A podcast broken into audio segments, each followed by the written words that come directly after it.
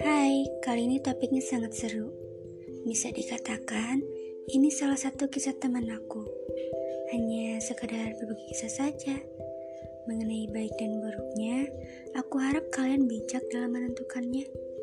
Baiklah, aku akan cerita. Anggap saja tokoh utamanya Cika dan tokoh keduanya Ciko. Jadi ceritanya, pada bulan Desember 2020, Cika dan Ciko berkenalan lewat Facebook. Ya, seperti pada umumnya, meminta pertemanan, berkenalan, lalu saling bertukar nomor. Pasti kalian juga pernah ada di posisi itu.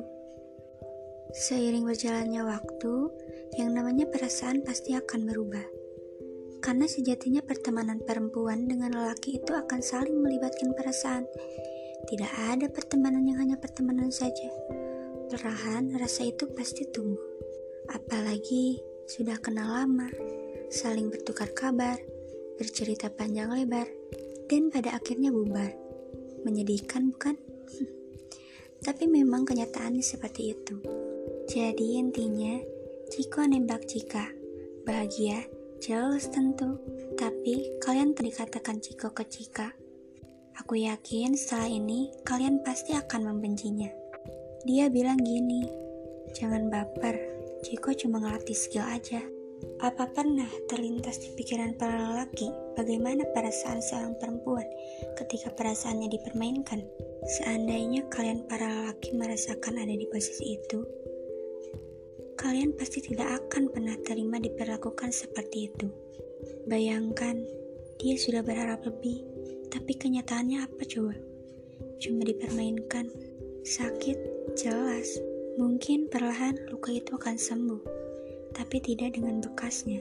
Bisa saja bekasnya akan tetap ada, karena menghilangkan bekas itu sulit, butuh waktu yang lama. Dan kalian tahu apa yang Jiko lakukan setelah itu? Bukannya merasa bersalah, dia malah berpacaran dengan orang lain. Tidak tahu diri bukan? Tapi aku salut sama temanku. Dia hebat. Dia yang paling kuat di muka bumi. Setelah diperlakukan seperti itu, dia tetap baik padanya. Bahkan, dia bisa menjadi pendengar baiknya. Seharusnya, Ciko itu beruntung mempunyai Cika. Lihat, betapa baiknya dia. Tapi Ciko tidak pernah sadar bahwa kehadirannya selama ini bukti Tuhan mengirimkan orang yang tepat di waktu yang tepat.